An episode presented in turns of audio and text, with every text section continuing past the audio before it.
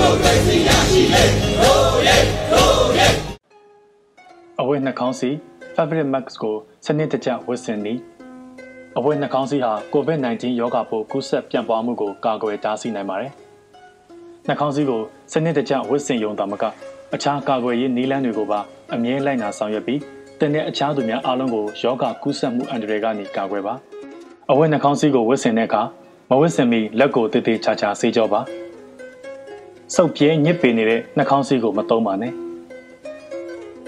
ပါဇက်နှာခေါင်းနဲ့မေးစိတ်ကိုလုံအောင်ဝတ်ဆင်ပါ။နှာခေါင်းစီးနဲ့တင်းမျက်နှာကြားမှာလက်ဟာမှုမရှိစေပဲအန်ကြအောင်ဝတ်ဆင်ပါ။ဝတ်ဆင်ထားချိန်မှာနှာခေါင်းစီးကိုလက်နဲ့ထိကင်ခြင်းမပြုရပါ။ညစ်ပေနေတာဒါမှမဟုတ်ဆွဆွနေခဲ့ပါကနှာခေါင်းစီးအသက်နဲ့လဲလဲပါ။နှာခေါင်းစီးမဖြုတ်မီလက်ကိုအရင်ဆေးပါ။နှာခေါင်းစီးရဲ့အရှိမျက်နှာပြင်ကိုလက်နဲ့မထိစေပဲကြိုးစားကိုကင်ပြီးချွတ်ပါ။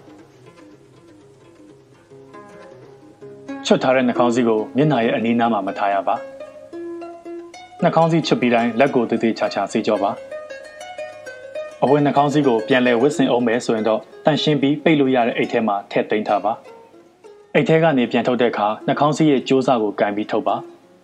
ညစ်ပေနေတာဆိုဆွနေတာရှိမရှိတေချာအောင်စစ်ဆေးပြီးမှပြန်လဲဝစ်စင်ပါအဝတ်နှာခေါင်းစီးကိုရေနွေးဆက်ပြာဒါမှမဟုတ်ဆက်ပြာမှုန့်နဲ့နေတိုင်းနေတိုင်းအနည်းဆုံးတစ်ချိန်လျှော်ဖုတ်ပါ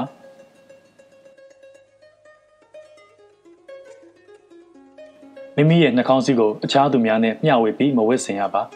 အဝတ်နှာခေါင်းစည်းကိုဝတ်ဆင်တဲ့အခါတိုင်းဝတ်ဆင်ပုံချွတ်ပုံစွန့်ပစ်ပုံနဲ့ရှော့ဖတ်ပုံတို့ကိုတည်တည်ချာချာမှန်မှန်ကန်ကန်သိရှိနားလည်ထားရပါမယ်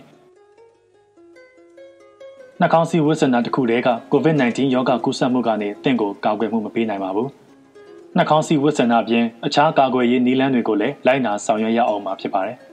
အခြားသူများနဲ့6ပေအကွာမှာခတ်ခွာခွာနေပါ လက်ကိုရေနဲ့ဆက်ပြာဒါမှမဟုတ်အယ်ကိုဟောပါဝင်နဲ့ဟန်ဂျယ်အသုံးပြုပြီးစနစ်တကျနဲ့မကြာခဏဆေးကြောပါမျက်နှာနဲ့နှာခေါင်းစည်းကိုလက်နဲ့ထိကင်ခြင်းကနေရှောင်ကျဉ်ပါ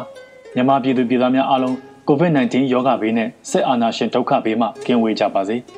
အရေးတော်ပုံအောင်ရမည်ရေ